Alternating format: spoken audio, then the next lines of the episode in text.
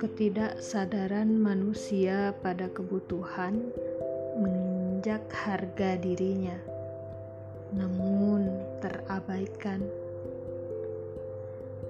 Benci pada kesendirian, lalu menyebutnya kebahagiaan.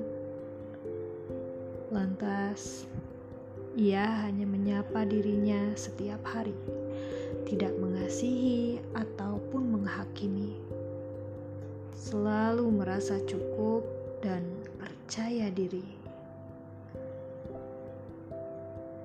Lalu kesepian menghampiri, menghukum manusia yang penyendiri hingga ia tak bisa lari. Lantas, ia tak tahu apa itu sepi. Lantas, ia tak bisa menghindari, hanya termenung, meratapi.